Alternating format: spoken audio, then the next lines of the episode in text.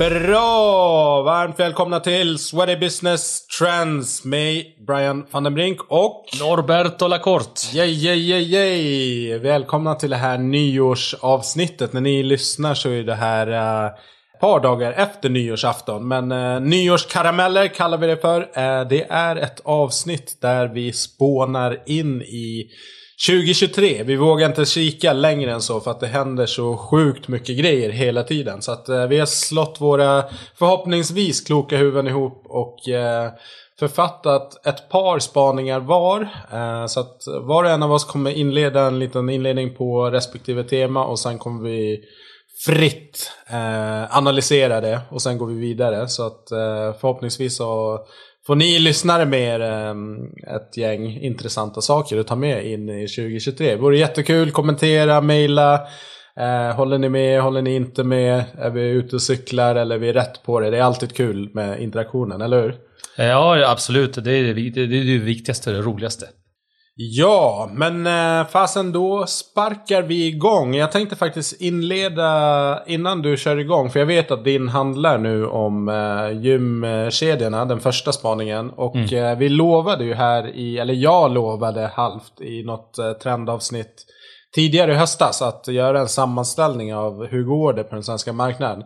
Grejen är att det finns sjukt många gym i Sverige så att det finns ingen eh, tid att sätta ihop en heltäckande rapport. Men det är, ligger ute på Sweaty Business en sammanställning av de tio största gymkedjorna eh, och hur det gick för dem. Och det blir ju då 2021. Så att de har ju rapporterat in de här siffrorna under 2022. Så att då har man lite koll på och kan jämföra hur det går sinsemellan och där ligger också en del kommentarer som är plockade ifrån deras årsredovisningar. Så att det här är siffror som de själva har rapporterat in. Eh, så skulle det vara något misstag så eh, klaga inte på mig. klaga på UC. Exakt, så där ligger det. Och sen förhoppningsvis så kommer vi göra en, minst en till. Där vi kommer gå in på kanske något mindre aktörer, alltså som har kanske en klubb eller ett par. Mm. Ja, men i alla fall så in och kika på sweatybusiness.se och eh, kolla in den eh, rapporten ifall eh, man är intresserad av hur det går. För att det är ingen annan som har sammanställt någon eh, sån rapport i alla fall för den svenska Den är gratis, marknaden. det är ju generöst. Eller hur? Det är jävligt generöst. Bra, nej men vi, fan, vi dunkar in i första karamellen här. Direkt bara. Vad en har mina, jag, har, jag, jag, brukar inte avlägga några nyårslöften, men jag eh, har lovat mig själv att vara lite mer kort och konsist under 2023. Så att eh, pang på direkt.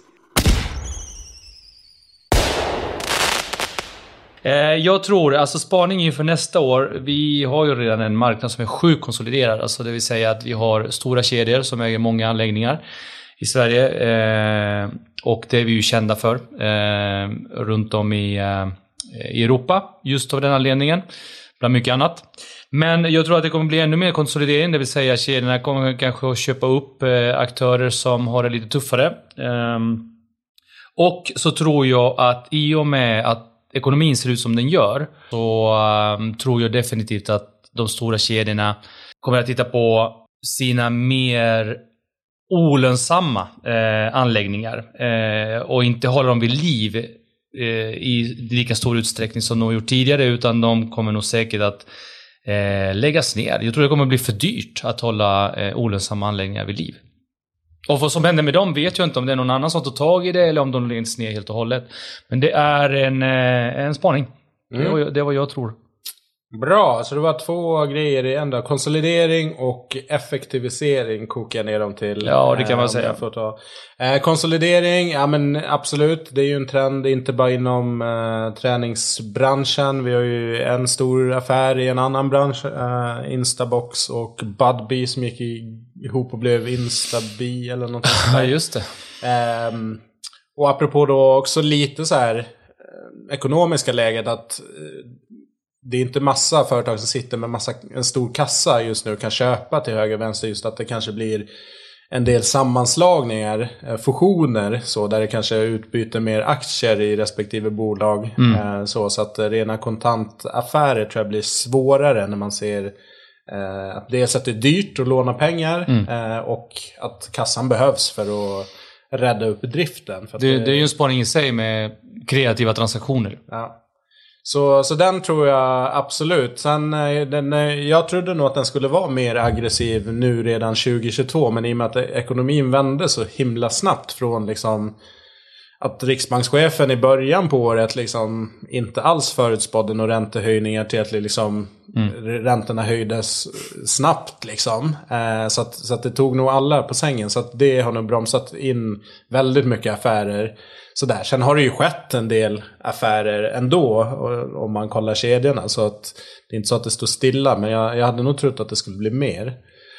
Um, sen hade du um, effektiviseringen där av portföljen. Uh, den tror jag också att um, den här jakten kanske på att flest gym vinner. Uh, att den kanske bromsas in av massa olika orsaker. Men man också inser bara varför behöver man flest gym? Är det inte bättre att driva effektivast gym liksom, och, och, göra det bra med de, de man har. Jag har inte alltid helt förstått den här liksom, jakten på otroligt många anläggningar. Ja. Eh, så den tror jag. Sen är det ju en svår, liksom, det är fastigheter så att man sitter ju oftast i långa avtal och anläggningarna eller fastighet, faciliteterna är ju byggda, omgjorda för att passa den verksamheten. Så att fastighetsägarna är ju inte jättepigga på att behöva bygga om det till någon helt annan verksamhet. Så att antingen om någon annan tar över eller, mm. eller så. Eller försöker liksom möjligtvis få ett bättre hyresavtal. Det vet jag inte. Det verkar ju svårt. De är ju också pressade fastighetsägarna. Ja, sen beror det ju på. Vi har ju haft ett par år med eh, rabatterade hyror i och med pandemin. Som, som branschen har kunnat, nu ska vi inte säga åtnjuta, missförstå mig rätt, men Eh, de har ju haft eh, och sen så eh, en, en viss då till det, en viss hjälp från, från staten. Frågan är om hyresgästerna har en uthållighet och möjligheten rent ekonomiskt att fortsätta med någon form av rabatterad hyresupplägg för, för ja, gymägare. Mm. Det är inte omöjligt att vissa kommer att få det med tanke på hur ekonomin ser ut och världsläget ser ut.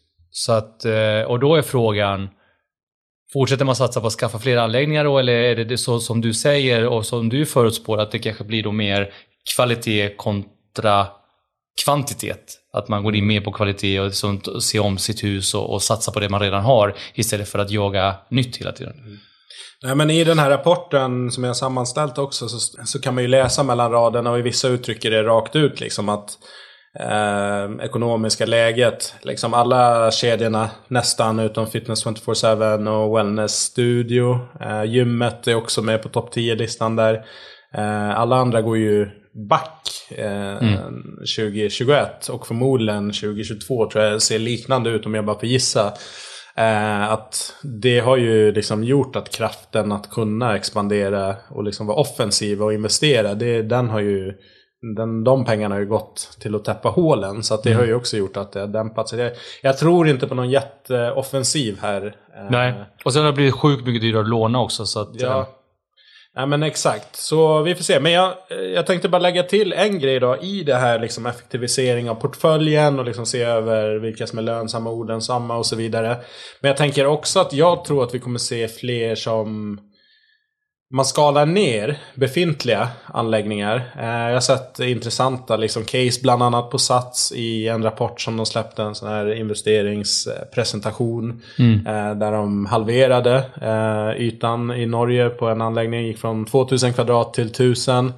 Och fick liksom ett uppsving i medlemsantal och det uppfattades inte som att det var sämre. Så att man bygger smartare.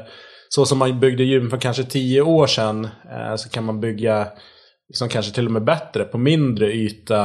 Eh, så jag tror framförallt så här, vi kommer ju komma in på gruppträning som, som min nästa spaning att den typen av ytor som står döda större delen av dagen. Att man kommer verkligen att utmana hur Men det, de, de ytorna. Det har ju varit en snack i, i branschen i, så länge vi har varit i branschen, så länge vi har hållit på. Vad gör man med liksom en spinningsal eller en gruppträningssal när den inte nyttjas, vilket är ja, majoriteten av tiden. Ja. Liksom. Nej men det är nät att knäcka så att där tror jag kommer se och det är förmodligen där man kan spara in ganska mycket yta och så givet att gruppträningen också dippat rejält efter pandemin så kanske det påskyndas. Men jag tror eh, allmänt att dels man ser befintlig portfölj. Behöver vi så här stora lokaler kan vi liksom göra det på ett smartare sätt. Kanske köra mer gruppträning på gymytan eh, och skala ner på gruppträningsantalet. Gruppträningssalar också storleken. Omklädningsrum också väldigt generösa generellt sett. Kollar man butikssidan så är det så här USA, ofta inga omklädningsrum mm. eh, och duschar. Alternativt liksom ett väldigt fåtal. Nu funkar det inte på ett gym med liksom jättemånga medlemmar som är i full sving. Men kan man liksom halvera ytan? Det tror jag nog skulle gå på rätt många ställen. Så det, det tror jag vi kommer få se en, en effektivisering så att man varje kvadratmeter, i och med att den är dyr, liksom, det är en kostnad. Så att se över den och inte liksom dra sig med så mycket lyxyta som man egentligen bara betalar för Ja, vad betalar man för egentligen? Nej, precis. Men jag är ju marginaler på ett helt annat sätt idag än vad man gjorde förut kanske. Mm. Eh, förr så kanske det inte var lika Lika viktigt med att ja, men vi har en yta där med lite stretch. Den mm. kanske nyttjas någon gång ibland. Vi har ingen aning. Det är ingen som bryr sig om att aktivera den ytan utan den bara finns där som någon form av service inom situationstecken. Mm. Idag tittar man ju på det på ett helt annat sätt. Och förut också så här, man fick typ inte gå in i gruppträningssalen Nej. när det inte var klass. Det var också så här, jag fattar det för man har inte koll på vad som händer och liksom om någon men ytterligare spä på med att det blir en outnyttjad yta som kostar väldigt mycket pengar varje ja. dygn. Och jag tror att det är så på många ställen idag mm. fortfarande. Ja. Att den, där får man absolut inte gå in. Många har ju till och med ett kodlås och grejer på sina. Ja. I och för sig det är ju för att också viss utrustning kanske försvinner därifrån när det är obevakat och sådär. Men det är ju en, hänger ihop med en separat fråga. Liksom. Yes. Ja men då snurrar vi in på min första spaning som är då gruppträning och eh, skickade ut en fråga i, eh, på Instagram eh, kring vad man ville att vi skulle ta upp för trender. Jag hade tänkt på den här men så kom frågan ställdes så här. Är gruppträningen död eller vad är det som händer egentligen? Bra mm. fråga. Eh, nej men den är absolut inte död, eh, gruppträningen. Men däremot gruppträning som vi känner till det och har levt med, mm. den förändras. Och det flyttas till andra arenor, ut på gymmen, online till viss del, absolut. Um, så att det har liksom blivit fler sätt att liksom träna gruppträning istället ja. för den klassiska i sal med en instruktör, 40-50 deltagare och samma program i tre månaders tid. Nu är vi inne i en on-demand mentalitet där mm. man liksom kan välja vilket tv-program man vill, vilken säsong som helst, när som helst. Och samma liksom med träning, att man har lärt sig under pandemin. Och ja, de, de, de som mest nyttjar traditionell gruppträning, det är ju kvinnor. Och kollar mm. man Ursas rapport, vilka har mest tagit till sig digitala träningsalternativ? Kvinnor. Mm. Eh, så att jag tror där ligger en stor nyckel. Eh, liksom att de har hittat ett nytt. Men vad, vad är orsaken till att de väljer det? Jo, tillgänglighet och hela den grejen. Men jag tror också det här att man behöver... Gemene man vill ha förändring oftare. Sen är det liksom, vad vill de ha kontra vad, vad de behöver? Vi vet ju rent så här, träningsteoretiskt, tre månader är en vettig liksom, programmering. Ja, ja. Eh, men jag tror man behöver möta upp där, liksom vad folk vill ha. Jag tror de vill ha mer ombyte. Att man inte är på samma sätt eh, mm. lika tolerant. Att man kör samma pass i tre månaders tid. Det känns, bara jag säger det nu så känns det så här. Jag hade inte velat köra samma program i, i, tre månader. En månad, absolut. Men jag går en, en, gång i veckan så blir det fyra liksom, pass per månad som är samma. Det är fine liksom. Men mer än så personligen. Men nu är mm. inte jag grupptränings, den traditionella. Men jag tränar ju en annan gruppträning som är mer hit och butikfitness. fitness. Eh, så att jag kör ju gruppträning men inte den gruppträningen som frågeställaren tror jag är ute efter. Nej men det, alltså det, det gruppträning definitionsfråga. Inom gymbranschen så när man pratar gruppträning så är ju det som sker i gruppträningssalen. Det vill säga ja, men klassiska Les Mills-klasser eller zumba eller yoga, pilates, vad det nu än är. Um, kampsportsinspirerade pass. Men gruppträning har ju tagit en annan skepnad. Jag tror att dels så har det att göra också med att eh, nu finns ju ett utbud som inte fanns för tio, bara för fem år sedan. Verkligen. Så att, så att nu, nu vet ju konsumenterna att det finns så jävla mycket mer att välja emellan. Då behöver inte jag gå på det här passet som liksom är samma, samma, samma eh, under en längre tid. Och en specifik tid, en specifik Nej, dag. Exakt, ex precis. Och, och det blir ju också det svåra att man, man måste vara, man, man kanske vill vara mer flexibel. Och det märker man ju. Det är ju gymkedjorna har ju svårt att locka nya medlemmar och med nya medlemmar menar jag också en yngre målgrupp som faktiskt kommer till gruppträningssalen. de som är i gruppträningssalen, de är ju i, i min ålder 40-plussare liksom. Um, så att, men samtidigt så är det så här, gruppträning är ju sjukt viktig för, för gymbranschen. Eh, för att data visar ju fortfarande att en medlem som tränar gruppträning tenderar till att stanna längre som medlem. Så att frågan är bara jag har tjatat så jäkla länge och jag hoppas att det här går igenom. Jag hoppas 2023 blir det året då eh, gymmen börjar inse att de måste nyttja sin gymyta mer till att faktiskt aktivera människor. Och man behöver inte ha en att bara ha gruppträning i en gruppträningssal utan man kan liksom se hela gymmet som en, en möjlighet. Um, men vad fasiken, ja, Les Mills uh, har det, kommer få det tufft. Jag vet inte hur ja. de kommer att utvecklas. Eh, jag Vad har inte exakta då, siffror. Kring deras upplägg är ju just det här. Det är ju de som har satt standarden som... någonstans med tre månaders cykler. Ja, ja. Liksom utbildnings... och, och liksom har gjort eh, liksom ett, ett, fantastiskt arbete. De är ju störst i världen på gruppträning. Så att det är inge, ingen skugga faller på dem. Eh, de har skapat liksom den här stjärnan, stjärnogruppinstruktören.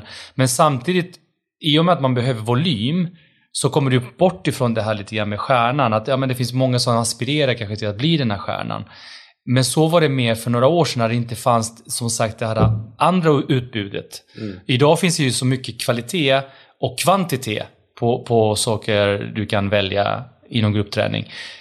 Innan var det ju Ja, men det fanns ju nästan Nej, bara men arenan var ju gymmet. Nu har ja, vi massor av exakt. stjärnor på nätet till exempel. Som ja. kör egentligen gruppträning, bara att de streamar ut Precis, det. och det som, det som jag tycker är intressant, jag har, inga, jag har inga svar på det, men det som jag har reflekterat över det är att hur kommer det sig att ett varumärke och ett företag som är så stora och varit så dominanta inom ett, ett visst område inte ändå har lyckats att eh, transfer, alltså att, att eh, gå vidare och, och även äga, inom situationstecken, träningskonsumenten hemma.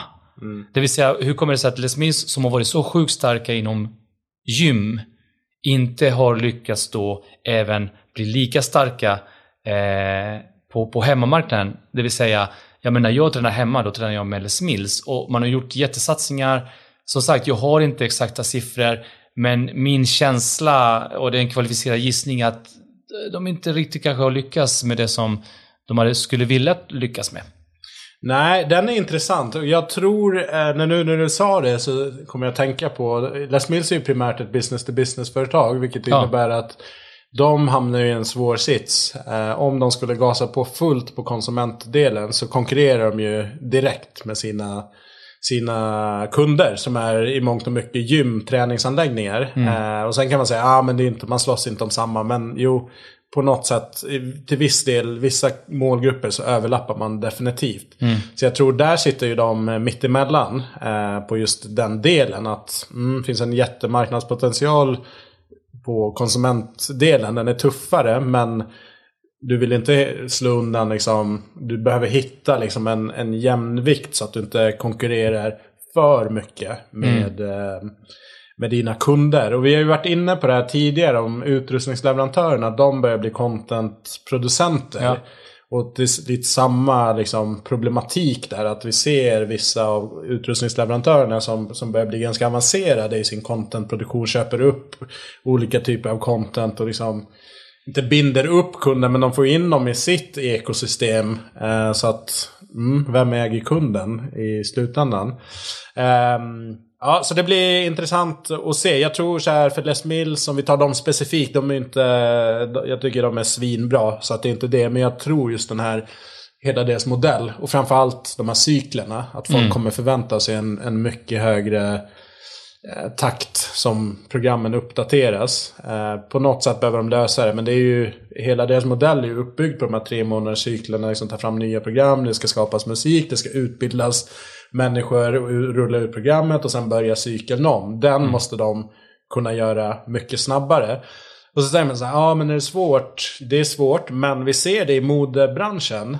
Um, H&M var ju en disruptor på det här. Mm. Att den klassiska liksom, modebranschen jobbade i princip de här tre, kanske sex månaders cyklerna eh, med kollektioner. Och sen kom H&M in med liksom mycket rappare. Och sen har du de här eh, kinesiska, Shein, som har Du har fast fashion, nu har du ultra Ja, men fast ultra fashion. fast fashion. Så att om H&M har en månad från idé till produkt i butik så är det här dagar ja. som de gör det. Så att det är lite samma leap som Les Mills behöver hitta i sånt fall. Och andra som har liksom den, den frekvensen. Att man kommer nog tvingas att hitta en modell som gör att de kan, kan komma ut med, med sina, sin fast fitness. Alltså på ett annat sätt. Månadsvis Ja. kanske. Jag vet inte, det, och det här är ju bara så här äh, taget ur huvudet, men jag tänker mig att efter så här många år av producerat content inom, ex, ex, om vi, tar, vi fortsätter prata om Les Mills, så skulle man ju kunna återanvända content. Man behöver inte komma på nytt hela tiden. Så Nej, att, menar, det programmet som var för fem år sedan, det är ju ingen som kommer ihåg. idag. Nej, och, och i och med att det är ju så uppdelat per, per liksom muskelgrupp och det är uppdelat per, per låt så skulle man ju kunna liksom eh, kanske leka med det på ett, på ett, ett sånt sätt. Det det är bra tips eh, Lena och gänget på Les Mills. eh, men jag, de- det, det, det är ju Nya tänk- Zeeland. De tänker så att det knakar. Ja, nej men absolut. Och jag, som sagt, eh, kudos till dem. De har gjort ett jävligt bra jobb. Men eh, det är mycket frågor som försiggår i min skalle i alla fall när jag tänker Nej men på... och vi försökte ju egentligen kon- kontextualisera här. Ja. Att, okej, vad är det i folks mindset med hela on demand och liksom att kunna välja och vraka när man vill. Och att det också kommer in i träningsbranschen. Så att det är definitivt något som alla, även gymmen, behöver fundera. Mm. Det är inte ett Les Mills problem. Det här är för hela branschen. Fråga, frågan är så här, för att det som, det som verkligen är lite mer eller mindre dött, det är ju den enskilda instruktören som har ett eget koncept som de kör, dans eller step eller det här. Eh, det finns ju fortfarande. Och de som, Enskilda anläggningar oftast. Ja, och, och, de som, och de som gör det gör det jävligt bra för att de har ju fulla klasser och sådär och, och och fine, det funkar. Men eh, frågan är inte om man ändå har en gruppträningssal, om det är så att man ska liksom ta in människor som är jävligt duktiga på en viss specifik dans eller träningsform eller någonting. Göra det, göra det som en eh, som en happening, att det händer. Men, men frågan är, kommer du kunna ha samma klass varje tisdag 18.00 år in, år ut med samma instruktör som kör liksom samma koncept? Det är det här lite grann som jag tror man ställer sig frågan, har det försvunnit? Mm.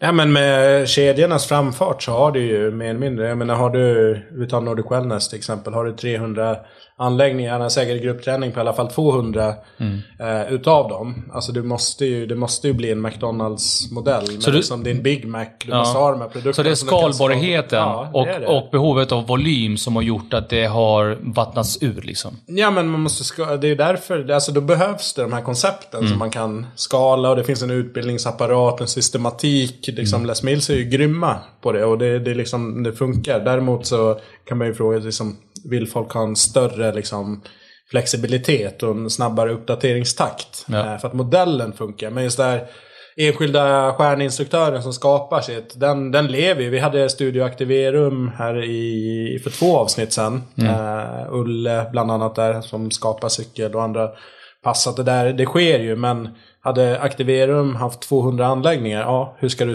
klona Ulle Lindström till 200 andra? Det, är det är ju den grejen som inte riktigt funkar när, när skalan måste in. Ja.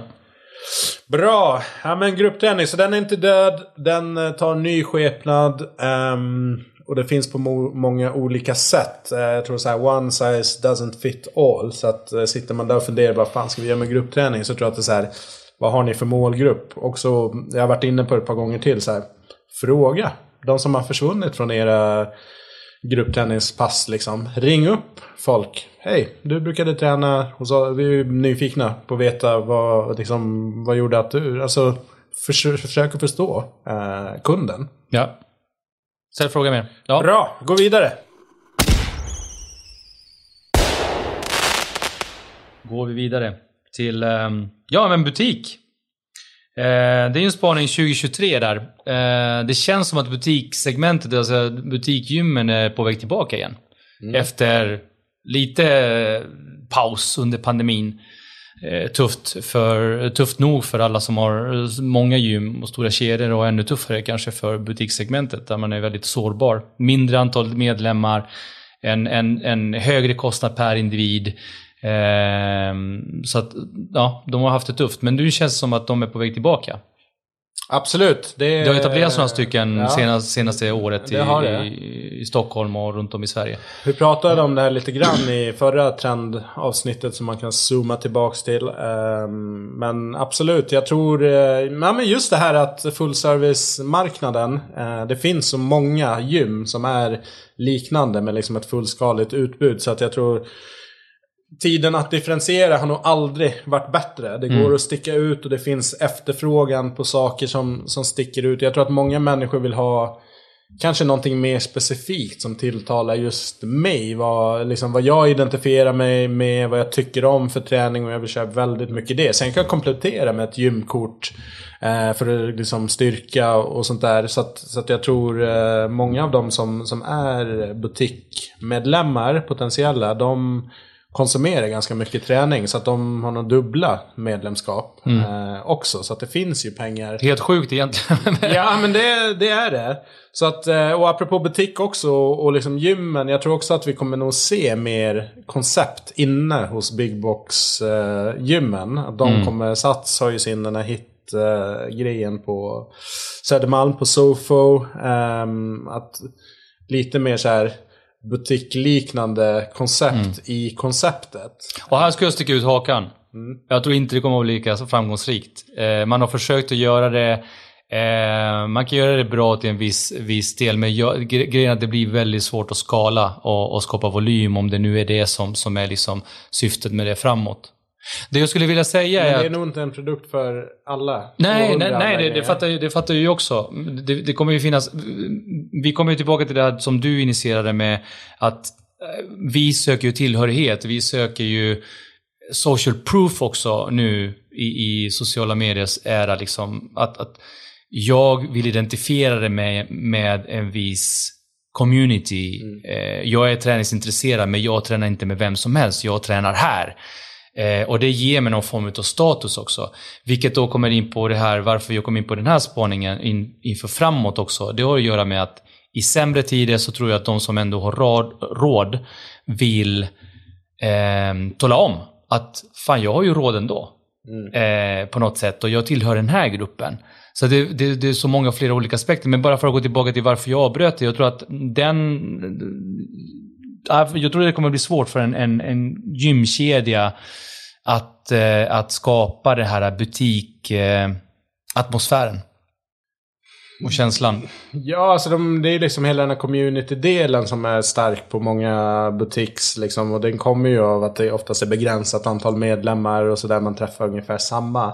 Men jag tror som en defensiv strategi för till exempel Sats att öppna två eller tre sådana här studios i Stockholm i befintliga lokaler, apropå att optimera så tror jag ändå de kan behålla en del medlemmar som hade kanske eh, övervägt att, att bli medlemmar på ett annat koncept. Mm. Liksom, plus att de då kan erbjuda hela grejen. Och jag tror inte att det är någon så här projekt att de ska öppna upp liksom 200 sådana eh, butiks i, i butiken. Utan det, det, det är nog stor, mycket en stor, nu Sats ett stort koncept. Det är ju Göteborg, Malmö, eh, Stockholm så blir det automatiskt så. Men jag tror vi säkert vi kommer få se det på lite andra kedjor. Men inte liksom i någon megaskala. Mm. Men jag tror att det kommer testas. För att internationellt så är det en hel del stora aktörer som har olika koncept i konceptet. Sådär. Sen hur pass det flyger och hur de mäter framgång.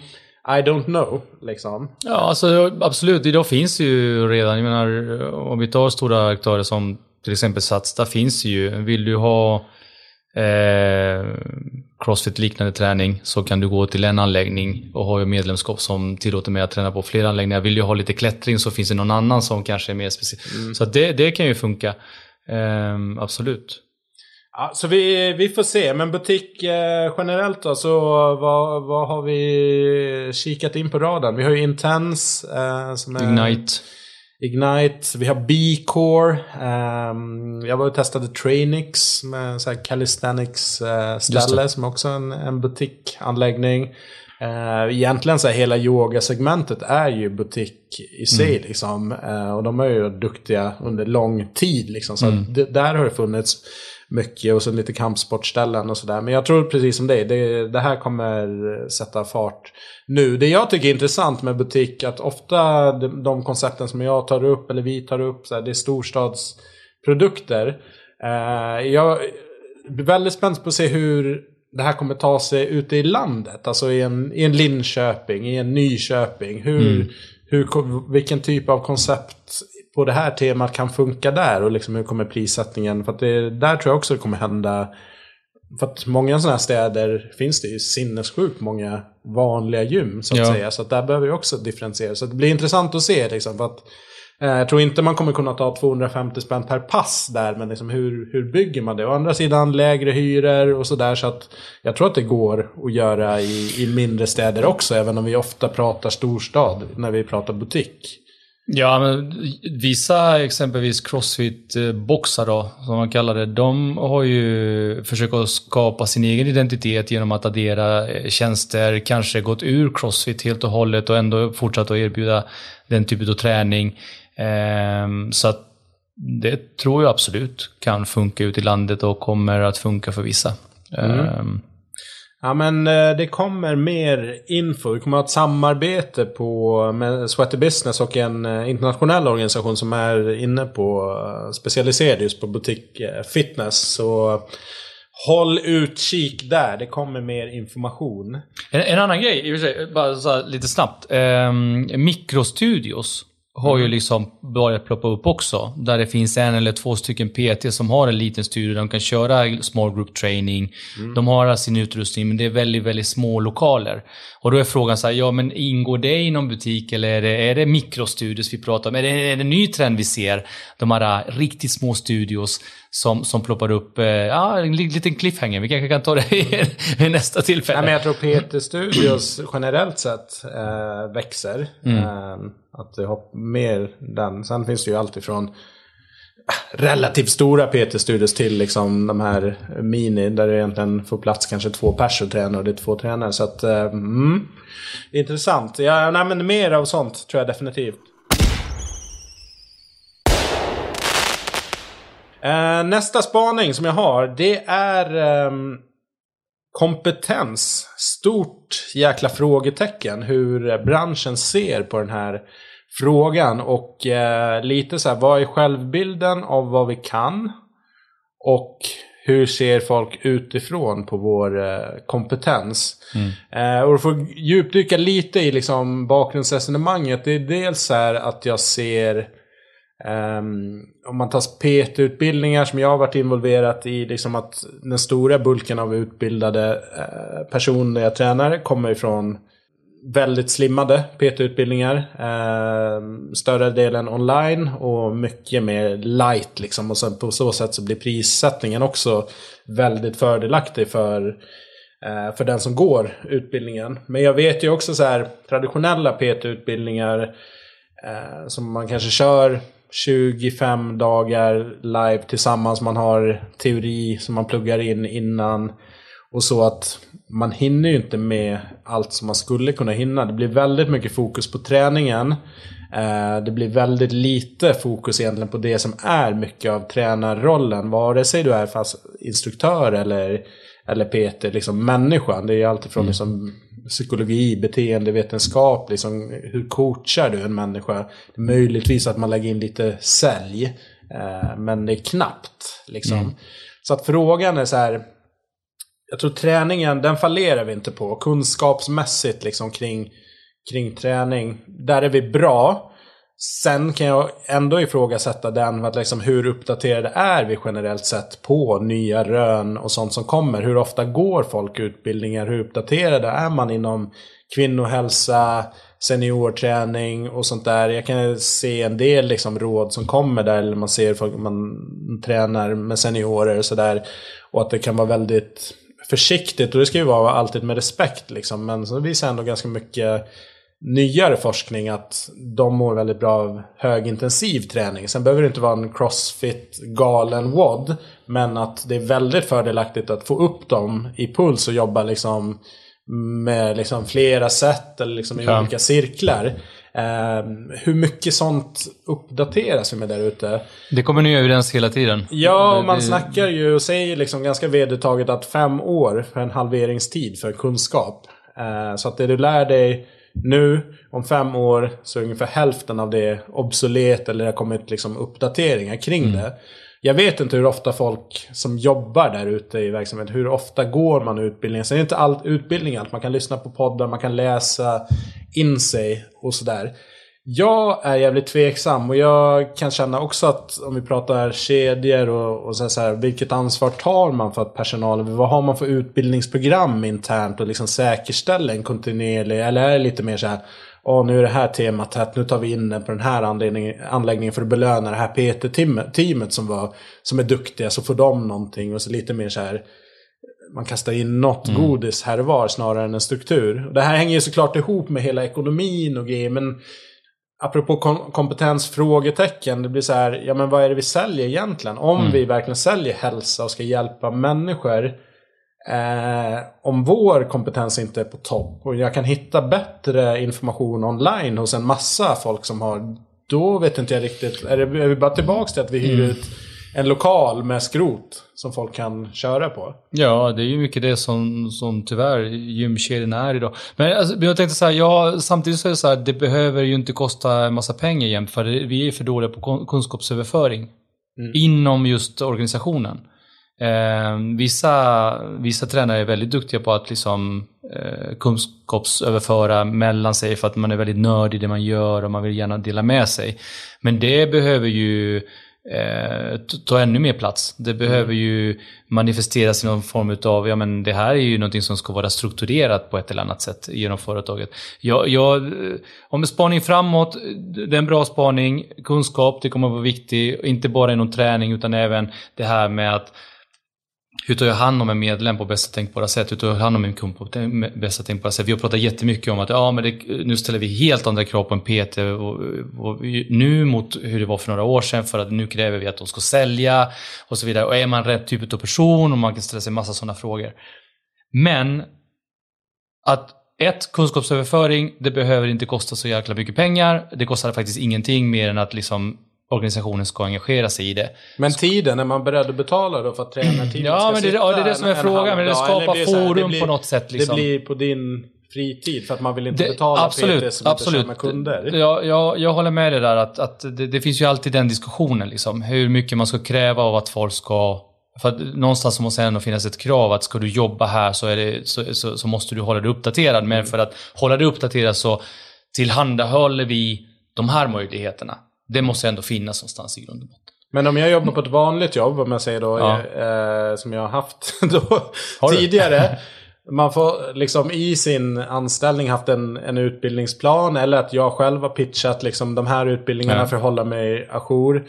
Arbetsgivaren har betalat för utbildningen Mm. och jag har fått lön under utbildningen. Jag ser inte den, varken att företagen i så stor utsträckning betalar för personalens Nej. utbildning eller att man har betalt under tiden man går utbildningen. Och där är en jättegrej. För att bli, ligger det på mig som enskild anställd att jag ska ta min tid Mm. som jag hade kunnat lagt på privata grejer eller på att jobba med kunder och tjäna pengar plus betala för utbildningen. Då får du ju liksom ett koncentrat av de mest hängivna som kommer vilja vara beredda att göra det här. Och när dessutom lönen i ärlighetens namn är ganska dålig jämfört med många andra alternativ som har till och med att sitta i kassan inom butik så kan du tjäna mycket mer på det. Och då, då går man hela tiden på det här att folk har en passion för det här. Men vad händer? Det finns en massa människor som har passion för det här men som inte väljer träningsbranschen av en massa orsaker. Så att mm, Och det, det- blir liksom och det- en, det- ett moment 22. Ja, jag fattar. Absolut. Och det kommer, det kommer tillbaka till den här diskussionen som vi har haft så många gånger kring det här. Men vi måste bli mer professionella i yrket. Men det kräver ju också att det ses som ett yrke. Mm. Och därmed också att eh, arbetsgivarna följer med i den här utvecklingen. Så det är ett givande och tagande. Det som jag skulle komma fram till också, att det jag saknar på anläggningen, det jag saknar en roll. Eh, jag saknar personer som också coachar coacherna. För det behövs. För att oftast så finns det finns ju ett gap däremellan där du har en, en ledning eller du har en chef. Sen finns ingenting, ingenting, ingenting. Sen kommer tränarna på något sätt. Det finns liksom ingen... Så, ja, så kunskapsöverföring behövs ju mer av. Nej men nu pratar vi tränare liksom, bara för att exemplifiera. Jag tror det här, det här handlar om alla eh, personalkategorier. Eh, och jag menar varför skulle inte en receptionist ha en bra liksom, utbildningsnivå i, inom hälsa, träning för att kunna besvara, bemöta frågor redan, redan där. Även om det inte är huvudsyftet men ändå ha liksom koll på grejer. Um, så att nej, jag är, jag är orolig uh, för kompetensdelen och att jag tycker inte att den går åt rätt håll. Jag vet att det finns en hel del där ute och vad man gör åt det. I don't know liksom. Uh, men, men det behöver ses över i alla fall om det ska bli liksom en, en nivåhöjning generellt sett. Vi kan tycka att vi är skitbra på, på mycket, vilket vi är. Men det finns också stora liksom, luckor, mm. äh, tycker jag. Och det för mig in liksom, bara på ett sidospår kring det här, liksom, kring kompetens. Så här, har vi kompetens vi säljer ungefär samma produkter som, som Assault, om vi pratar gym. Mm. Eh, det är liksom medlemskap, det är PT, det är shop, det kanske är liksom small group, någon kurs, liksom sådär. Det är samma meny. Eh, men liksom det finns ju massa behov där ute. Jag tänker bara en sån fråga och här får jag credda Monica Björn som har jobbat med kvinnohälsa. Relaterat till träning men också relaterat till, allmänt till livet. Liksom. Hon har gjort ett jättejobb här för att liksom driva den här frågan. Mm. Apropå det och kompetens. Att, ja, men där finns det ju massor som är outforskat kring kvinnor, i klimakterieålder och uppåt liksom. Och kontra män och hur vi gör, vad vi har lärt oss på PT-utbildningar och vad vi framförallt vad vi inte har lärt oss. Mm. Eh, så att återigen, så här, kompetens, om vi, om vi ska förstå det och kunna hjälpa kvinnor i det här fallet på riktigt, som har de här besvären, liksom komma med, med, med underbyggda råd som inte bara så här ja det här funkade för den så att det borde funka här. Eh, då, då behöver ju också den här delen tas till. Och Monica då till exempel, hon var ju med i podden för ett år sedan. Så att då kan man scrolla tillbaka och, och lyssna på vad hon pratar om där. Eh, men hon säger ju det, liksom på hennes utbildningar så är det ju jag vet inte, 95% plus är mm. ju kvinnor som sitter och utbildar sig i det här. Och tittar man, vilka är tränare? PTs där ute som jobbar. Vilken är största kundkategorin ja. på gym?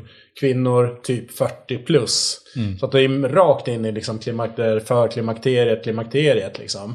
Eh, om de då, majoriteten killarna, inte ens bemödar sig gå på de här typen av utbildningar. Då undrar jag så här, vart, vad har de för kompetens? Med tanke på att Monica har lagt ett par år nu på att liksom förkovra ja. sig i det här. Så att, um, mm, apropå så här, awakening. Ja, ja, definitivt. Och det kommer ju ta tid innan det standardiseras. Så att man har liksom ett, vad ska man säga, ett block i sin P1-utbildning eller vilken utbildning nu man väljer att gå där, som handlar just om det här. För det var ju, det var ju lite grann eh, den utvecklingen som skedde inom eh, kvinnor före och efter graviditet och mm. under graviditet. Liksom. Ehm, Men det är ganska lite på P2 på den delen också. Det ja, liksom, det, det, är jävligt lite. Och, typ och det har jag ju märkt själv när jag har haft eh, med, med, med, unga tränare att göra. Att de tycker att det är obekvämt och det är jävligt jobbigt att prata om de här frågorna. Um, så att, uh, ja. Mm. Jag håller med. Yes, alright. Vidare då. Techjättar versus kontra eh, alltså gym. Eh, det som kallas för brick and mortar på engelska. Eh, nu ser vi ju till exempel Nike, Netflix. Det finns en helt annan tillgänglighet på den digitala eh, delen. Eh, vi såg innan eh, Apple och, Nike. Och sen har vi ju en uppsjö av, av content som finns digitalt både på YouTube och via appar och allt vad det nu är. Men kampen om den digitala motionären, den är jävligt intressant. Och mm. jag tror att den kampen kommer inte att avgöras 2023. Men däremot kommer det att bli ännu mer snack kring den.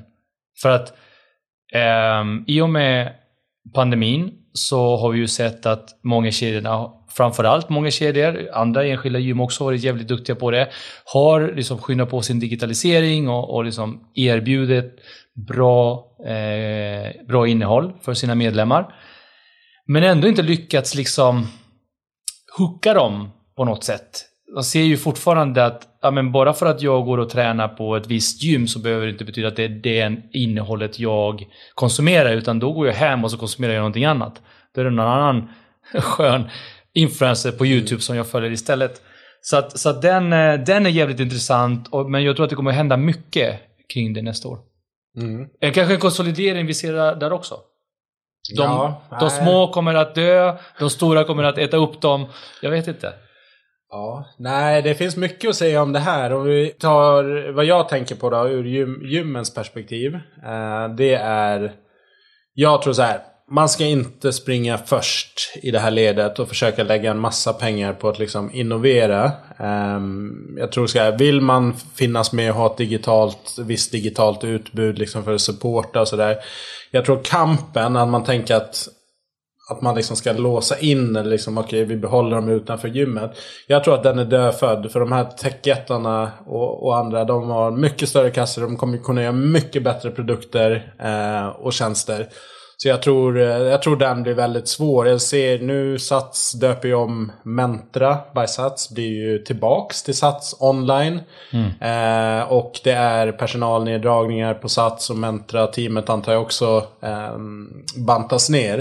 Eh, Det är en extremt kostsam liksom, satsning och vi har ju snackat om det tidigare. Peloton och massa andra som har varit inne på den här marknaden i snart 10-talet år blöder ju fortfarande pengar, stora pengar. Ja. Eh, Så att då för en gymkedja som inte har sin core med online, jag ser ju strategin och vilken potential det finns digitalt men resan dit är så otroligt lång och om du då går upp mot Apple, Samsung, Netflix, Nike den, den, den är jättesvår. Men då finns, då finns ju plats för båda. För det jag tänker att många som vi, du och jag har diskuterat med, du och jag har haft sådana diskussioner, jag har haft diskussioner med andra i branschen.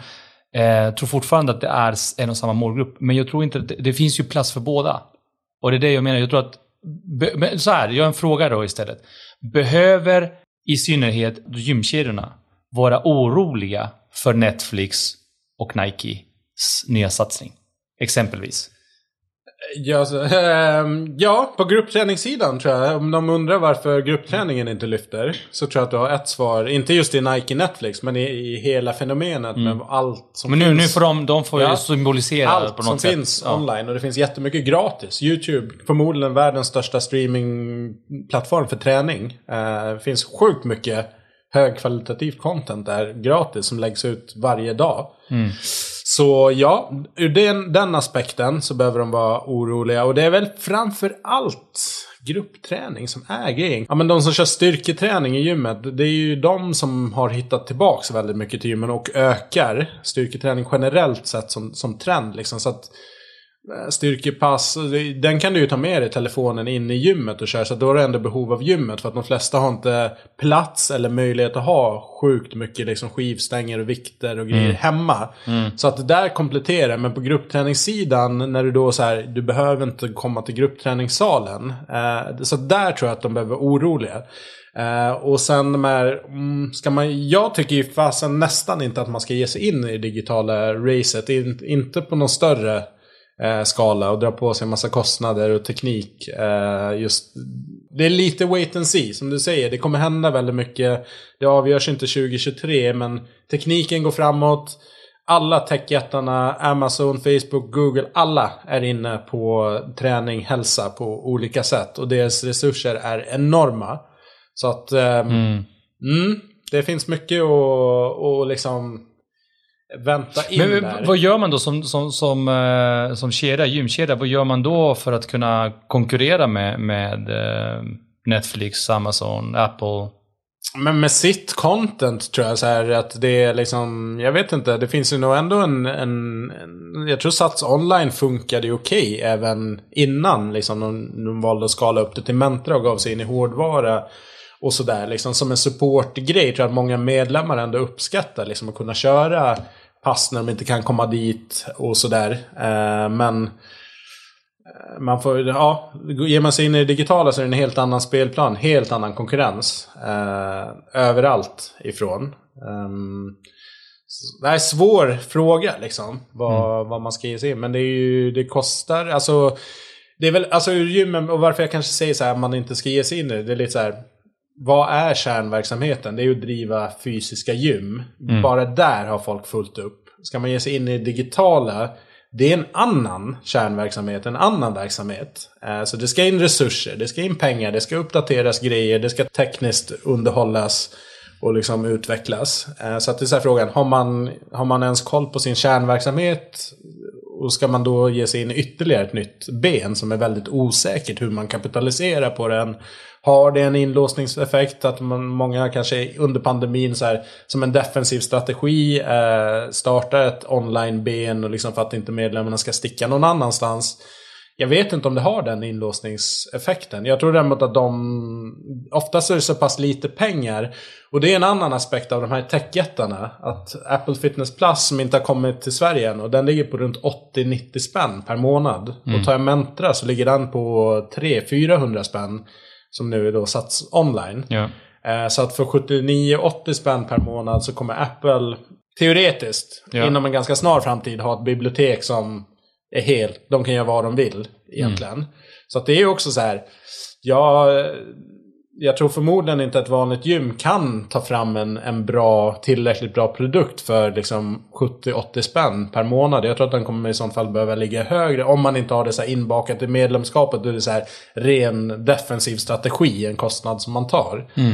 Eh, men om, om Apple lägger sig på den nivån, men vi tar streamingtjänster generellt, de ligger ju runt 100-lappen. Mm. Alla.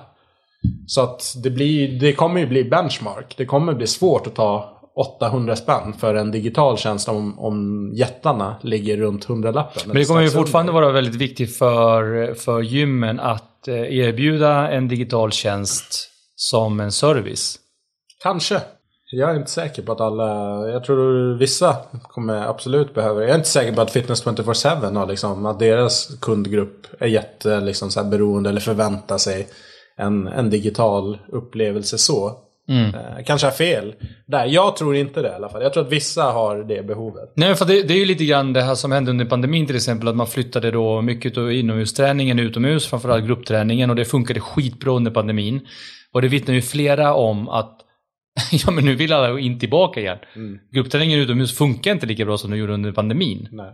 Folk vill tillbaka och, och det är det här som är så jävla intressant. Samma sak där med digitala. Ja, men det kanske funkade jättebra under pandemin, men nu märker man att ja, men de, det, det, där mm. tappar vi. Nej, men Zoom-möten, Teams-möten också. Ja. Så här, vissa typer av möten skitbra, men så här, kvalitativa möten som jag kallar det, så här, man behöver liksom verkligen kanske första mötet man har med någon, verkligen så här det, inget slår live mm. där. Att träffa en person med allt vad det innebär av att liksom försnack och liksom kunna verkligen känna av stämningen i rummet och liksom massa grejer som går förlorat genom en digital skärm. Sen effektiviserar en massa möten och, och grejer så att det blir en bland, och jag tror just den här blandkonsumtionen, men det gör ju också tror jag att benägenheten eller liksom priskänsligheten är väldigt hög. Liksom att mm vid en viss gräns att det jämförs med allt annat streaming och grejer man har. Och då, då kommer det nog hamna där runt hundralappen. Ja. Ja, men den kampen kommer vi se mer av tror jag under 2023. Ehm, likaväl som vi behöver en väska kanske när vi är på jobbet och har ett behov där mot vi behöver en annan typ av väska när vi, när vi går till gymmet eller ska resa någonstans. Jag tror samma sak är det där att jag har ett behov att gå på gymmet och ha ett gymmedlemskap. Men det är ett annat behov som driver det här liksom digitala. Ehm, och det är väl det här vi kommer se tror jag kampen om den digitala motionären, är det en kamp verkligen? Eller, eller är det så att vi, vi bygger lite eh, eh farhågor utan att det, det finns en, eh, eh ja, eh, en anledning? Kamp och kamp, mm. liksom man jämför gym, gym versus tech. Jag vet inte, jag tror det är en kamp som gymmen absolut inte kan vinna eh, egentligen. Eh, om man liksom ser det som att man, man skulle kämpa. För att, men däremot så finns det absolut produkter och tjänster och liksom grejer som gymmen definitivt kan ha. Eh, som stöttar deras medlemmar, som är ett värde för dem. Absolut. Ehm, men jag tänker så här kring att techjättarna ger sig in i det. att de går inte in i någonting som är osäkert. Så här, de har labb och de har vissa testprojekt. Men nu är det så här, proof of concept, proof att hela hälso och fitnesstrenden den är. Eh, och när de går in stort så här, vi har en early adopter-fas som har varit här nu med liksom de som har tagit till sig digital teknik. Alltifrån wearables till online-träning och så. Och, och under pandemin så har det liksom kickstartat. Okej, okay, nu, nu är tiden mogen. Och nu kommer ju den stora bulken av användare som kommer ta till sig det här. Och det är förmodligen det som techjättarna ser och som de också kommer driva såklart. Att massan kommer in i det här. Eh, och det är därför de är där. Och om vi tar Apple Watch som jag nämnde. När den kom för tio år sedan. Så traditionella klockbranschen rynkade ju definitivt Ja. på näsan. Vad är det här? En det leksaksklocka, bla bla bla, modegrad noll.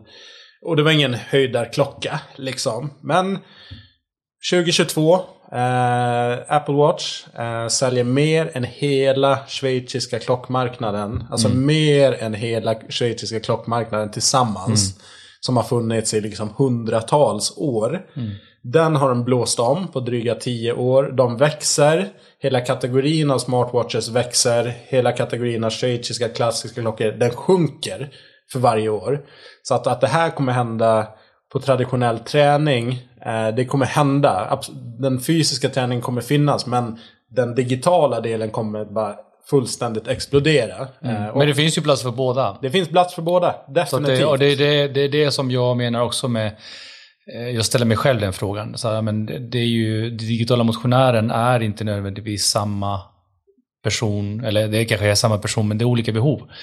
Ja, och sen olika det, säsonger. Så här, sommarperioden, du kanske är ute och reser mycket i sommarstugor eller vart man nu är. Ja, men då har du inte fysisk tillgänglighet till, till gymmet. Då kanske du är mer benägen att streama Ja. om du är en traditionell och gillar att träna på fysiskt på ett gym. Eh, och så har du vissa som kanske kör digitalt året runt av olika anledningar. Och så har du andra som kör bara fysiskt. Så att det, det är olika målgrupper. Därför jag också var inne på det här med gymmen. Att ja, för vissa så kommer det vara rätt att göra det. För de har kanske den typen av målgrupp som är mer benägen till de här. Och så är det andra som har en målgrupp som absolut inte är intresserad utav det här överhuvudtaget. Så att där måste utgå ifrån vilka det är man riktar sig till. Eh, Så att det finns ingen, återigen, ingen one size fits all. Det här måste man verkligen göra jobbet. Liksom, vad, vad är relevant för vår målgrupp? Ja. Så... När, när ser vi ett Apple-gym? Det tror jag aldrig. Däremot så tror jag att eh, Apple... ehm, ja, alltså de ger ju sig in i försäkringsbranschen nu. Eh, hälsoförsäkringar i USA, sjuk- sjukvårdsförsäkringar som knyter ihop. De kan mäta, tracka. Eh, de kan leverera fitnesstjänster. De kan leverera försäkringstjänster som förmodligen kopplas till din aktivitet och så. Så att det kommer styra vad du betalar. och Sådär. Eh, på gott och ont. Men de kommer ha den möjligheten att verkligen följa. Eh, istället för att det är du som försäkringstagare som fyller i din hälsa och skattar den. Liksom, nu kan de verkligen mäta dig. mäta, vänta du har fyllt i det här men vi ser att du, din aktivitet är inte alls i närheten av och du har de Din här... premie är eh, lite högre än vad ja. du tror att det är. så, så det kommer ju... Det kommer...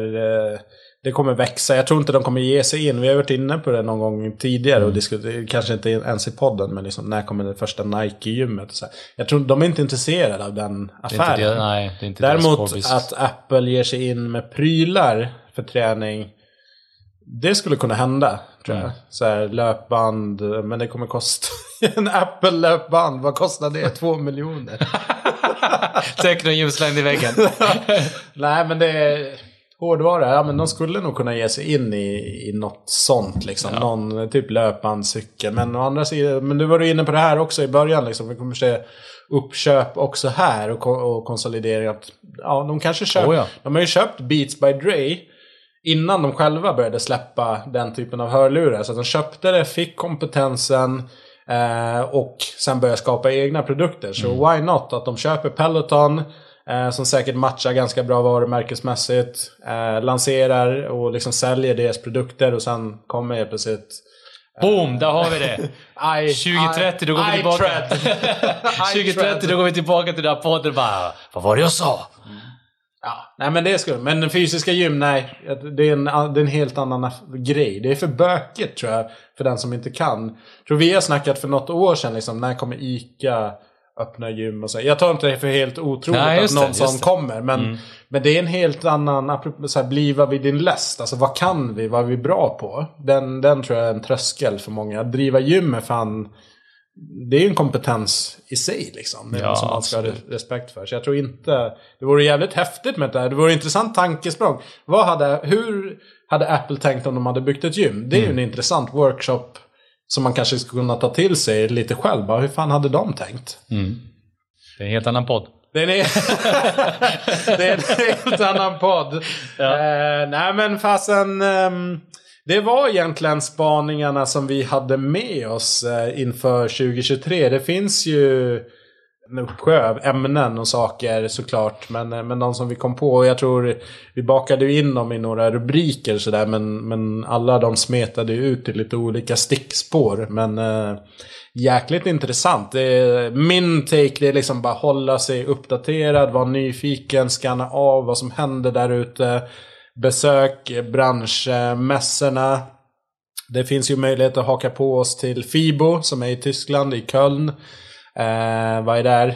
13 till 15, 16 april. April, ja. Mm. Ehm, så att där en gemensam tripp, då har man lite sällskap, eh, gemensamma middagar och sen ganska fritt schema, eller helt fritt schema under dagarna där man styr. Men det kan ju vara nice om man inte är ett helt företag som åker utan kanske någon eller några personer, att man ändå har ett gäng så kan man sitta och snacka och nätverka. Så att jag kan verkligen så tipsa, oh, försök åk på Fibo, Ursa, alla de här branschmässorna liksom och ut och lyssna. Jag tror det blir viktigare än någonsin. Jag tror Fibo kommer att vara helt bananas 2023. Förmodligen. Allting släpper nu efter. Alltså, Ja, vi det- kommer ju vara där. Du ska ju med. Ja, jag ska med. Business, jag- jag- jag att, ska med. eh, Häng, häng på. Har du någon eh, avslutande innan vi stänger butiken Nej, alltså jag, jag vill eh, att eh, ni där ute som lyssnar vågar komma med mer frågor och vågar interagera mer. Mm, det är Det, jättekul. det, Det, är 2023. ja. Det är året då det händer det mer. ger oss bra material att diskutera och höra vad som bubblar där ute. Men apropå Fibo, insök bara på sweaterbusiness.se, eh, Fibo, så finns det information där man kan lämna in en intresseanmälan. Eh, framåt slutet på januari så kommer jag liksom göra bokningen av hotell och allting. Så att innan dess så behöver man veta om man ska med. Annars så hör av er om det är några frågor. Annars så säger vi eh, välkommen 2023. Nu jäklar kör vi. Ska du, ska du köra något outro-låt nu då?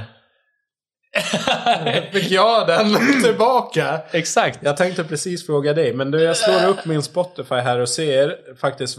Så här, jag gör enkelt. Gillade låten. Jag, vad har jag senast... Eh, Ja, just det. När du har gått och gillat någonting som... Ja, sparat ska ligga- liksom. Ja, just det. ehm, vi kör Running Up That Hill med Kate Bush från Stranger Åh, Things. Bra där. Startar vi 2023 starkt. Snyggt. Tack så mycket. Hej då.